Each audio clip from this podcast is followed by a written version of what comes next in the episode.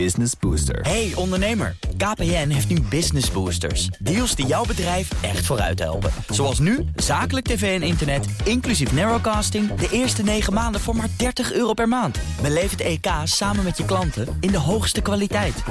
Kijk op kpn.com slash businessbooster. Business Booster.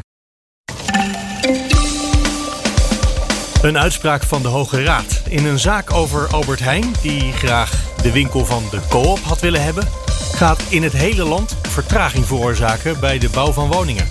Patiënten die nu niet behandeld kunnen worden, maar pas nadat de coronagolf weer een beetje geluwd is, betalen daardoor twee keer eigen risico. Dus de medische zorg is minder, maar de rekening wordt hoger. En door een tuchtrechtszaak tegen topadvocaat Aldo Verbrugge krijgen we een fascinerend inkijkje in de normaal verborgen wereld van de advocaatonderzoeker.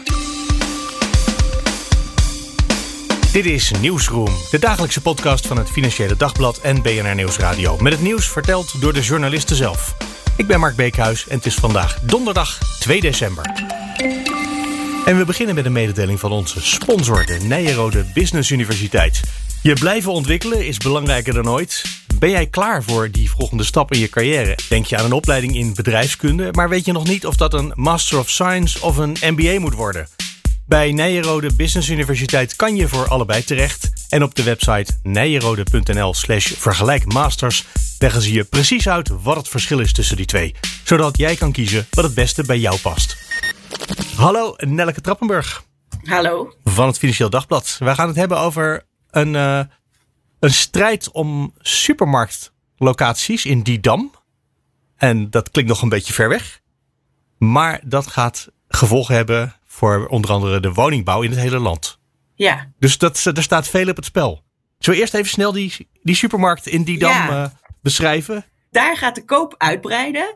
Of eh, die, die, heeft, eh, die, die- kan uitbreiden, daardoor kan de koop verhuizen, waardoor de Aldi ook weer kan verhuizen. En de koop heeft daarvoor een pand kunnen, of een stuk pand kunnen kopen van de gemeente.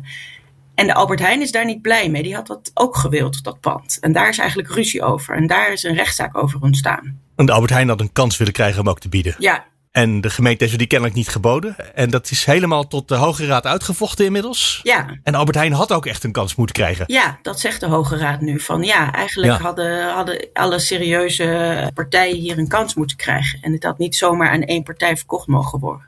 En dan snap je ook meteen dat de strijd tussen een paar supermarkten. Dat dat misschien wel impact kan hebben overal. Want het is natuurlijk heel vaak dat gemeenten. eh, Een, een stuk grond eh, aan iemand geven. omdat ze denken die gaat er een mooi project doen. of een fijne supermarkt maken voor ons. Ja, dat, eh, we hebben een beetje rondgebeld ook bij advocaten. En ja, die denken allemaal dat dit wel echt vergaande consequenties gaat hebben. Want ehm, zeker in het voortraject van gebiedsontwikkeling worden nog wel eens eh, één op één verkoop gedaan van de gemeente. Bijvoorbeeld, eh, we willen een, een weg verbreden. Mag ik dan een stukje grond van een ontwikkelaar, zegt de gemeente. Maar dan krijg jij in ruil daarvoor een st- ander stukje grond in de gemeente. Maar dat andere stukje grond in de gemeente kan, er, eh, kan die gemeente nu niet meer zomaar aan die ontwikkelaar geven. Want dat moet hij dan eigenlijk in concurrentie aanbieden. Aan de hoogste bieder. De bij wijze hoogste van bieder, spreken. ja. Dus, dus dit Ja. soort ruilen, eh, eh, het ruilen van grond of, of een boerderij uitkopen om ergens een gebiedsontwikkeling te kunnen doen. En dan zeggen, oké, maar dan krijgt u daarvoor eh, twee kavels verderop terug. Ja, kan dat nog wel? Want ja, misschien een andere gegadigde die twee ka- kavels ook wel. In het artikel wat jullie gemaakt hebben lees ik... het is ingeslagen als een bom. Dat is iets wat advocaten natuurlijk... die houden wel van grote woorden, maar toch... dat zegt wel iets over hoe heftig het kan uitpakken. Ja, omdat het helemaal ingaat eh, tegen de huidige praktijk. Dus ja, iedereen moet nu. Ja, die advocaten zeiden dat echt de telefoon rood gloeiend stond. Omdat ja, iedereen wil weten, kan dit project nog wel doorgaan? Wij hebben deze grond. Alle gemeenten zijn aan het bellen. Ja, de gemeenten zijn aan het bellen. Marktpartijen zijn aan het bellen. Van ja, ik heb deze grond van, gekocht van een gemeente. Ik ga hier, ik kan dat nog wel. Eh, krijg ik nu een claim? Of, want het kan dus ook effect hebben op lopende projecten. Voor, ehm, Is dit met terugwerkende kracht? ja, dat verwachten die. Ja, dat is natuurlijk allemaal nog afwachten. Want dat moet dan allemaal dan weer rechtszaken begonnen worden. En, maar ja, de, de Ja. advocaten verwachten wel dat dit dus ook effect kan hebben op lopende zaken nog. En ook schadeclaims nog kan. Nog tot schadeclaims kan leiden. Als je gewoon puur voor het geld doet, zou je misschien zelfs naar de gemeente kunnen gaan en zijn. Ik had toen ook willen bieden. Ja, nou dat zou... Ja, Dan moet, moet je wel aannemelijk maken kant. waarschijnlijk. Eh, Ja. Nee, maar ineens komt het slechte in mij boven en bedenk ik dit scenario. een nieuw, eh, nieuw verdienmodel. Ja, ja dit, dit- iedereen is nu eh, een beetje, hoe, hoe, hoe pakt dit uit? Het zou zomaar kunnen betekenen dat allerlei, jij zei al, het wordt gebiedsontwikkeling, maar dat zijn vaak woningbouwprojecten toch? Dat soort zaken, dat die nu of stil komen te liggen in afwachting van wat meer juridische zekerheid? Of Ja, dat gemeenten de grond niet weggeven? nou ja, we willen, we willen meer woningen bouwen. Er moet een enorme bouwversnelling komen. Er moeten 1 miljoen woningen eh, worden gebouwd de komende 10 jaar.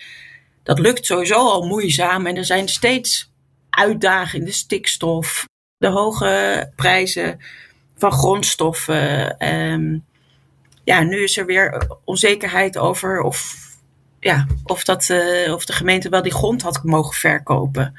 Ehm, ja, dus dat kan tot vertraging leiden.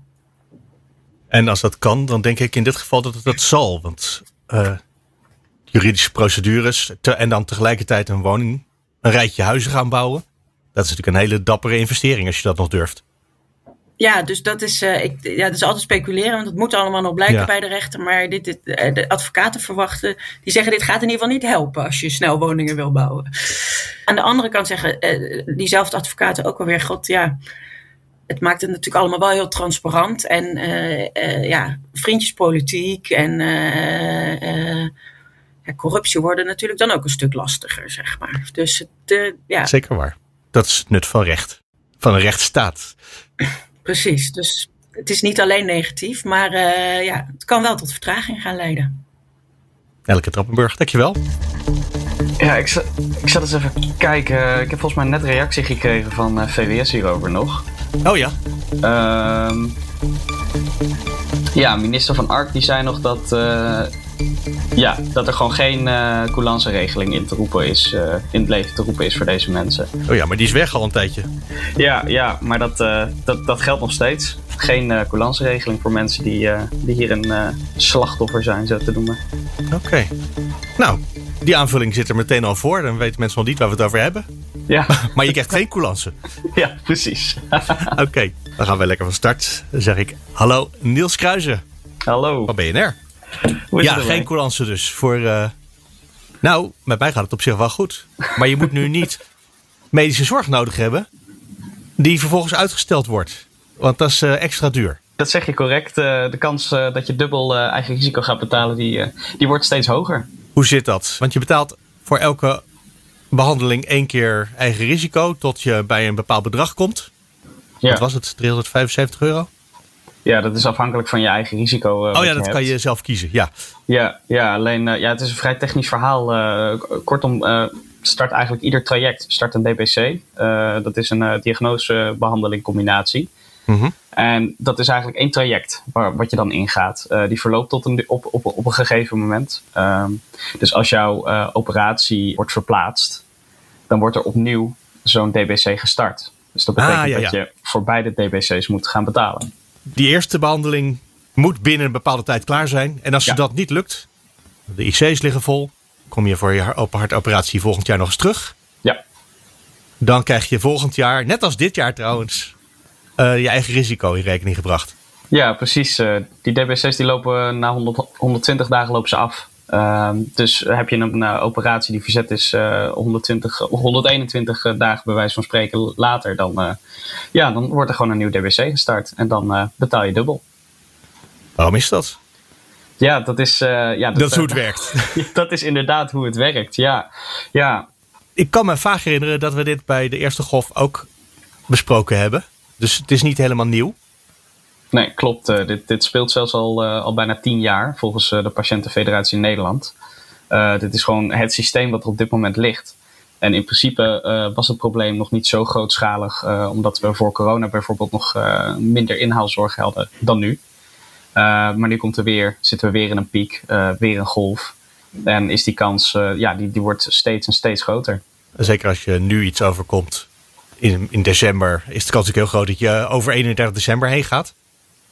Normaal gesproken wordt dat wel opgelost, toch? Dat je, het is niet zo dat je eigen risico op 1 januari per se gereset wordt. Want dan heb je die 120 dagen. Ja, precies. normaal, zeg maar, de meest, de meest zieke mensen die in een langer traject zitten, ehm, die, die kregen natuurlijk altijd voorrang in de zorg. Dat is gewoon prioriteitsstelling. Ja. maar in dit geval, ja, de COVID heeft op dit moment voorrang, dus alles wordt vaak aan de kant geschoven. Ja, dus dat zijn dus de meest zieke mensen. Want als je niet kan ademhalen, dan heb je niet lang te gaan. Precies, ja. Je ligt op de IC en dan is het, uh, is het echt heel erg, heel erg ernstig, ja. Uh, dus daar moet het bedden voor worden vrijgemaakt. En uh, ook ja, gewoon eigenlijk zo'n beetje alle zorg, hoe ernstig ook, dat, dat moet daarvoor soms worden uitgesteld. En vandaar dat er ook een toename zit in die, in die dubbele eigen risico's.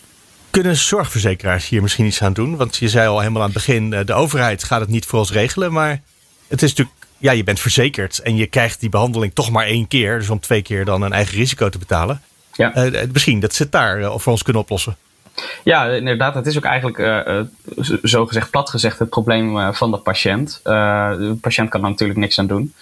maar het moet afgehandeld worden tussen de zorgverzekeraar en de patiënt. Um, een zorgverzekeraar is dan ook vrij om bijvoorbeeld een coulance, coulance aan te bieden of niet. Dat verschilt ook heel erg per, zo, per zorgverzekering. Kleinere zorgverzekeraars die zijn er vaak geneigd toe, grotere wat minder.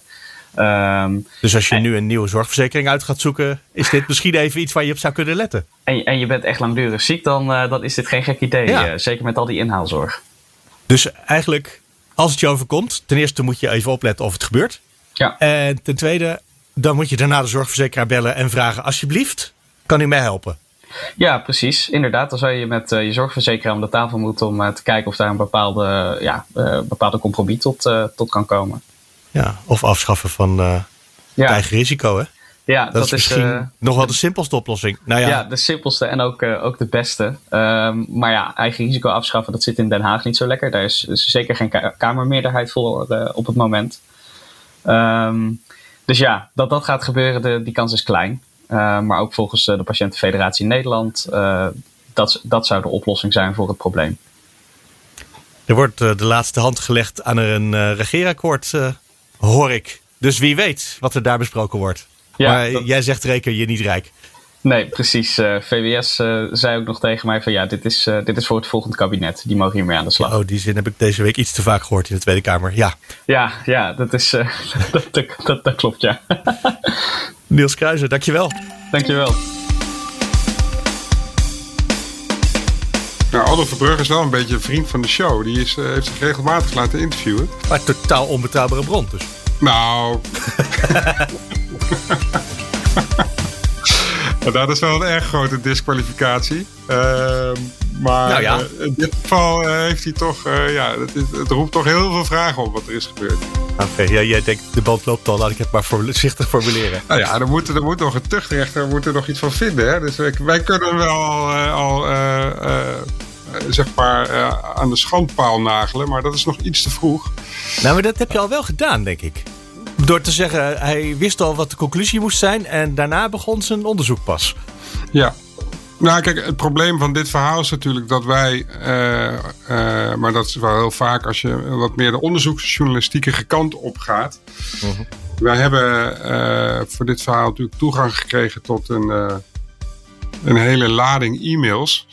Dat roept dan een, een, bepaald beeld op, omdat het gewoon ja, zwart op wit zie je. En er zijn ook van die draadjes, hè, dan kun je ook zien hoe mensen op elkaar reageren, hoe gedachten in een groep mensen zich ontwikkelen. Ja.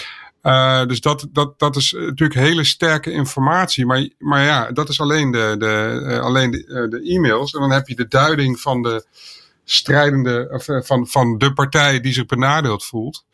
en die plaatst dat natuurlijk in een bepaald frame. En ik kan niet ontkennen, en dat blijkt ook wel uit het verhaal, dat daar zeker wat in lijkt te zitten. Maar ja, uiteindelijk is er toch aan een rechter om te zeggen, in dit geval een tuchtrechter, want het gaat hier dus om overtreding van beroepsregels, gedragsregels van in de advocatuur. Ja, dan is het dus aan de tuchtrechter om te zeggen, inderdaad, uh, hier is iets verkeerds gegaan. Of ja, misschien zegt hij wel, nou ja, god, het viel allemaal wel mee. Ja, we zijn ons gesprek ingerommeld. Ik ga nog even zeggen dat jij Joris Polman bent van het Financieel Dagblad. En wij hebben het over, je zei al, e-mails e-mails van een advocaat, Aldo Verbrugge. En het heeft te maken met rechtszaken rond Gerard Sanderink. Ja. Misschien heel eventjes een klein beetje waar die e-mails over, over gaan. Ja, nou ja, er zijn natuurlijk twee characters. Uh, Gerard uh, Sanderink is een, uh, is een inmiddels een al wat op hogere leeftijd, is 73. En is een ondernemer, een IT-miljonair noemen wij hem in de krant. Hij is rijk geworden in, in, in, inderdaad in de IT en inmiddels eigenaar van een heel conglomeraat aan bedrijven. Daar zitten behalve bijvoorbeeld IT-bedrijf Centric ook een infrabouwer bij, zoals Structon en een ingenieur ingenieursbureau, Oranjewoud, nou ja, eh, dit, uh, en nog wat andere kleinere firma's. Um, en die, die had enige tijd een relatie met een medewerker. En die had hij ook directeur gemaakt. Dat is Brigitte van Echten. Um, en uiteindelijk is dat op de klippen gelopen. Ja, en er is gewoon echt een enorme ruzie ontstaan tussen Sanderink uh, en uh, zijn ex-geliefde. en uiteindelijk heeft zich dat ook, ook, vertaald in een arbeidsconflict. Want zij werkte voor uh, Sanderink. En vervolgens ook nog eens beschuldigingen van fraude, diefstal en nog meer buitennissigheden. Um, en nou, dat alle rechtszaken die daaruit voortvloeien, uh, die riepen natuurlijk wel de vraag op van ja, wat is er nou eigenlijk waar van al die beschuldigingen die vooral Sanderik uit in de richting van mevrouw van Echten. Het loopt echt uit een van inderdaad stelen van geld. Uh, en goederen uh, tot en met actief zijn in de porno-industrie en dan zijn bedrijven als dekmantel gebruiken. Ze zou ook, ook nog eens om hem een hak te zetten de Fiat hebben getipt uh, dat er iets mis zou zijn bij Structon. Ik breng even een herinnering. In 2019, zeg ik even uit mijn hoofd, was er een inval bij Structon. Uh, vanwege een mogelijke steekpenningaffaire. Uh, nou, Sanderink is er bijvoorbeeld van overtuigd dat zij dat heeft gedaan. En, en meer van dat soort zaken. En er duikt nog een wonderlijk, wonderlijk iemand op in dit hele verhaal. Rian van Rijbroek. Kennen we die nog? Ja, dat is de zelfbenoemde cyber-expert. Um, hebben we die daarna een relatie kreeg, toch? Ja, en nog steeds. Uh, nog steeds, ja. Ja, ze zijn nog steeds samen. Uh, in dit geval dus Sanderink en Van Rijbroek. En het laat zich aanzien dat Van Rijbroek ook een belangrijke... nou ja, je moet, ken, ken je Worm Tong uit, uit Lord of the Rings? Dat die ben ik vergeten. Dat is die vazal die die koning influistert. Die, en die koning is een soort van versteende. Nee, zeg je niks? Nou ja, goed. Nee, ik. Uh, zij, is een, zij, zij spreekt hem in ieder geval, alle, fluistert hem allerlei dingen in. Zo wordt gezegd, uh, die mede aan de basis staan aan al die bijzondere beschuldigingen tegen mevrouw van Echter. Nou, enter Aldo Verbrugge, de advocaat, want daar ging het verhaal over vanmorgen. Aldo Verbrugge is gevraagd om onderzoek te doen naar wat is nou waar van die beschuldigingen. Uh, dat is ook een specialiteit van hem. Hij, heeft een, uh, hij is oud-officier van justitie, is dus gewend aan, uh, aan, aan het doen van onderzoeken. in dit geval vooral in de wereld van de witte bordencriminaliteit. Dus dit zou een kolfje zijn naar zijn hand. Want wie vroeg dat? Dat vroeg de rechter. Nou, uiteindelijk, nee, het zit zo. Ja. Sanderink en Van Echten waren er overeengekomen, nou laat onderzoek doen. Vervolgens, uh, dat is ook in eerste instantie gebeurd door een andere partij. Zeer omstreden onderzoek, partijdig. Toen is er dus gezegd, nou, uh, bij de rechter, oké, eh, opnieuw, dat moet over. En dit moet dan gedaan worden door een onafhankelijk bureau. Dat is een gerechtelijke uitspraak. toen is, heeft Sanderink Aldo Verbrugge gevraagd op zichzelf op het eerste oog helemaal niet zo'n gekke keuze. Omdat de man best wel een, een goede reputatie heeft op dit vlak. Um, maar je merkte bij Van Echt al heel snel dat zij daar ongemak bij voelde. Uh, dat het niet klopte, was haar gut feeling. Dat sprak ze ook uit aan haar advocaat tijdens zittingen. Uh, van dit, hier gaat iets niet goed. Het bevalt ons niet. Uh, het, het, proces verloopt raar, maar dat bleef altijd maar een beetje hangen. Nou, wat is er nu gebeurd? Van Echten heeft beslag laten leggen op de e-mailbox van Gerard Sandrink bij Structon. Uh, en uh, ze hebben daar e-mails uh, aangetroffen van Sandrink aan Aldo Verbrugge. En ook aan de advocaten die Sandrink bijstonden in de rechtszaken tegen Van Echten. Dus dan ontstaat er vervolgens een drie-eenheid. Sandrink, met zijn advocaten, die dus aan het, al heel lang aan het vechten zijn met Van Echten. En dan heb je de onafhankelijke onderzoeker, uh, althans op papier en in naam onafhankelijk, uh, die dan betrokken wordt eigenlijk bij die civiele rechtszaken. En die, gaat, die gaat achter de schermen informatie aanleveren. Dat is eigenlijk wat hij doet. Die gaat meepraten, adviseren bij de processtrategie. Die gaat dus echt Sanderink helpen om uh, zoveel mogelijk munitie te krijgen om van echt in al die procedures pijn te kunnen doen. En daarmee valt hij natuurlijk buiten de rol die eigenlijk uh, opgelegd was door die rechter. Die zei, ja, er mag onderzoek gedaan worden, heel goed. Maak zo'n einde aan het modder gooien. Maar wat gebeurt er dus? Um, uh, ja, en dat moeten zo onafhankelijk mogelijk. De onafhankelijke partij die kiest partij. Ja, die is. En, en niet zo'n beetje ook. Blijkt uit het verhaal dat we vandaag hebben. Waarbij die eigenlijk van begin af aan dan spreken we over, over eh, begin 2020, januari, februari. Dan, eh, dan uh, wordt hij benaderd en, en wordt hij uiteindelijk ook ingehuurd om het te gaan doen. Zie je dus dat er contact is met Sandring en dan wordt er al meteen gesproken. We gaan uit van een goede samenwerking tussen jou, dat is dus de civiele advocaat, en Aldo Verbrugge, waarop Aldo ook reageert. Nou, met die samenwerking komt het wel goed. Hopen jullie snel een goed positief resultaat resultaten bieden. En dat is het vertrekpunt. En van daaruit zie je dus dat het eigenlijk steeds verder uh, uit de hand loopt, zou je kunnen stellen. Uh, bij het opzoeken van de grenzen van de opgelegde onafhankelijkheid van, van Verbrugge. en dat is best wel een ontluisterend beeld, moet ik eerlijk zeggen. Um, ja, want er wordt natuurlijk heel veel onderzoeken door advocaten gedaan. Ja. Dat is, daar hebben we het wel vaak over gehad, ook in de podcast. Klopt. En daar, daar zie je nooit precies van wat er gebeurt. Dat was namelijk waar we het de vorige keer over hadden. Maar hier zien we precies wat er gebeurt. En hier gebeurt eigenlijk wat je, uh, ja, nou ja, wat je in een slecht Netflix-scenario uh, vreest. Ja, hier is dus de situatie dat uh, Sandring dus Verbrugge betaalt. Hè, uh, en dat, dat kan. Hè. Je, kunt, je kunt ook een accountant onafhankelijk onderzoek laten doen op jouw kosten. Um, bijvoorbeeld. Maar die accountant die is gebonden aan allerlei regels die te maken hebben met zijn publieke taak. Maar een advocaat is anders. Een advocaat is van nature inderdaad partijdig, een belangenbehartiger. En je ziet dat dat dus bij Aldo Verbrugge dwars door elkaar heen gaat lopen. Enerzijds presenteert hij zich als de onafhankelijke feitenverzamelaar. Hè, uh, die uh, uiteindelijk met een rapport zal moeten komen. Op basis waarvan conclusies kunnen worden uh, geformuleerd. die belangrijk kunnen zijn in allerlei rechtsvragen.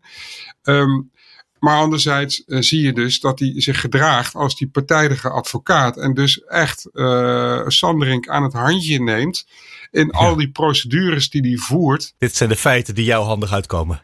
Ja, en hij treedt bijna op als een soort uh, regisseur. Hij is natuurlijk ook een man met een, met een statuur. Als je met hem spreekt, heeft hij ook een bepaalde uitstraling. Zo'n man met een wat zwaardere stem die dan uh, uh, mooie volzinnen debiteert en dan onberispelijk gekleed altijd door het leven gaat. Dat is iemand die, die waar je automatisch van denkt, nou, dat, daar, daar luister je wel naar. Hè? Dat is wel ja. zo'n, wel een, en, en dat, nou, dat zie je dus ook terugkomen in, de, in deze zaak.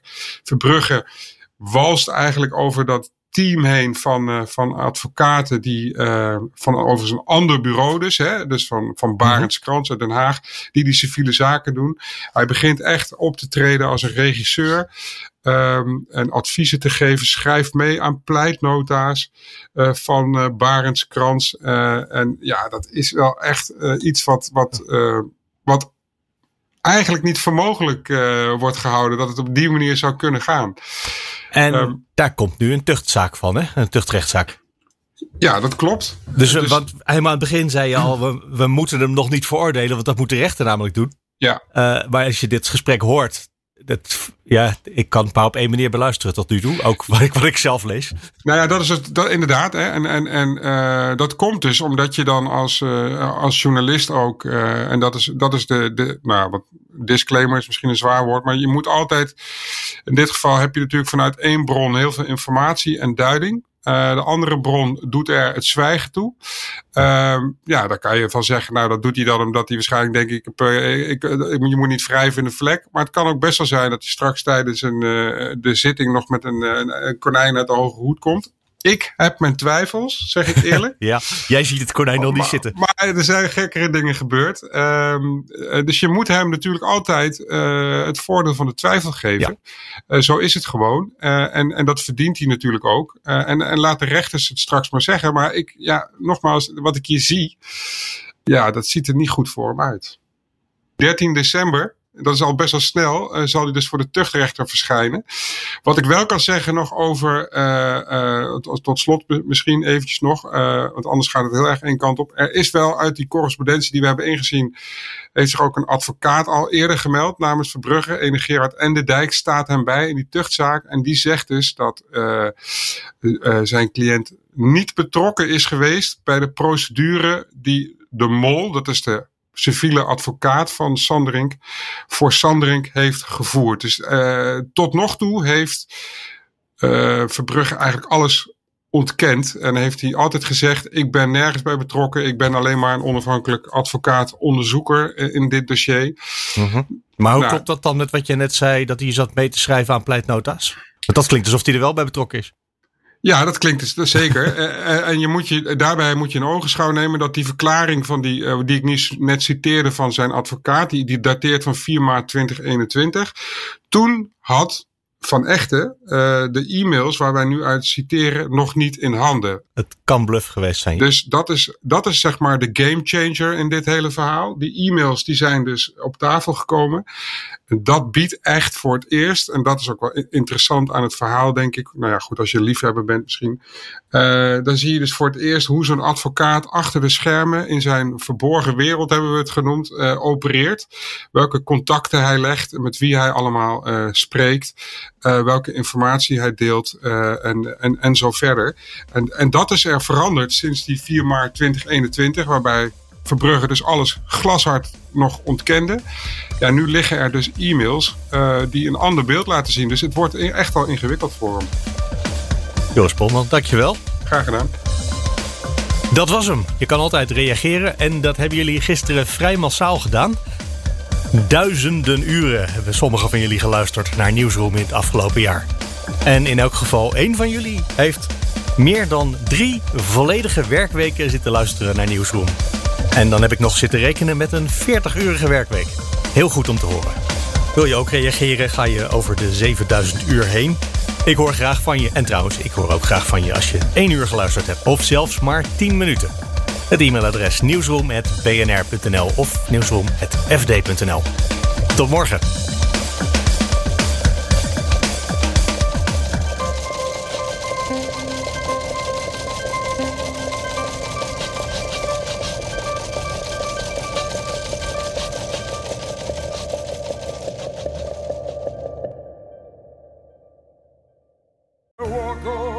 Hardlopen, dat is goed voor je. En Nationale Nederlanden helpt je daar graag bij. Bijvoorbeeld met onze digitale NN Running Coach... die antwoord geeft op al je hardloopvragen.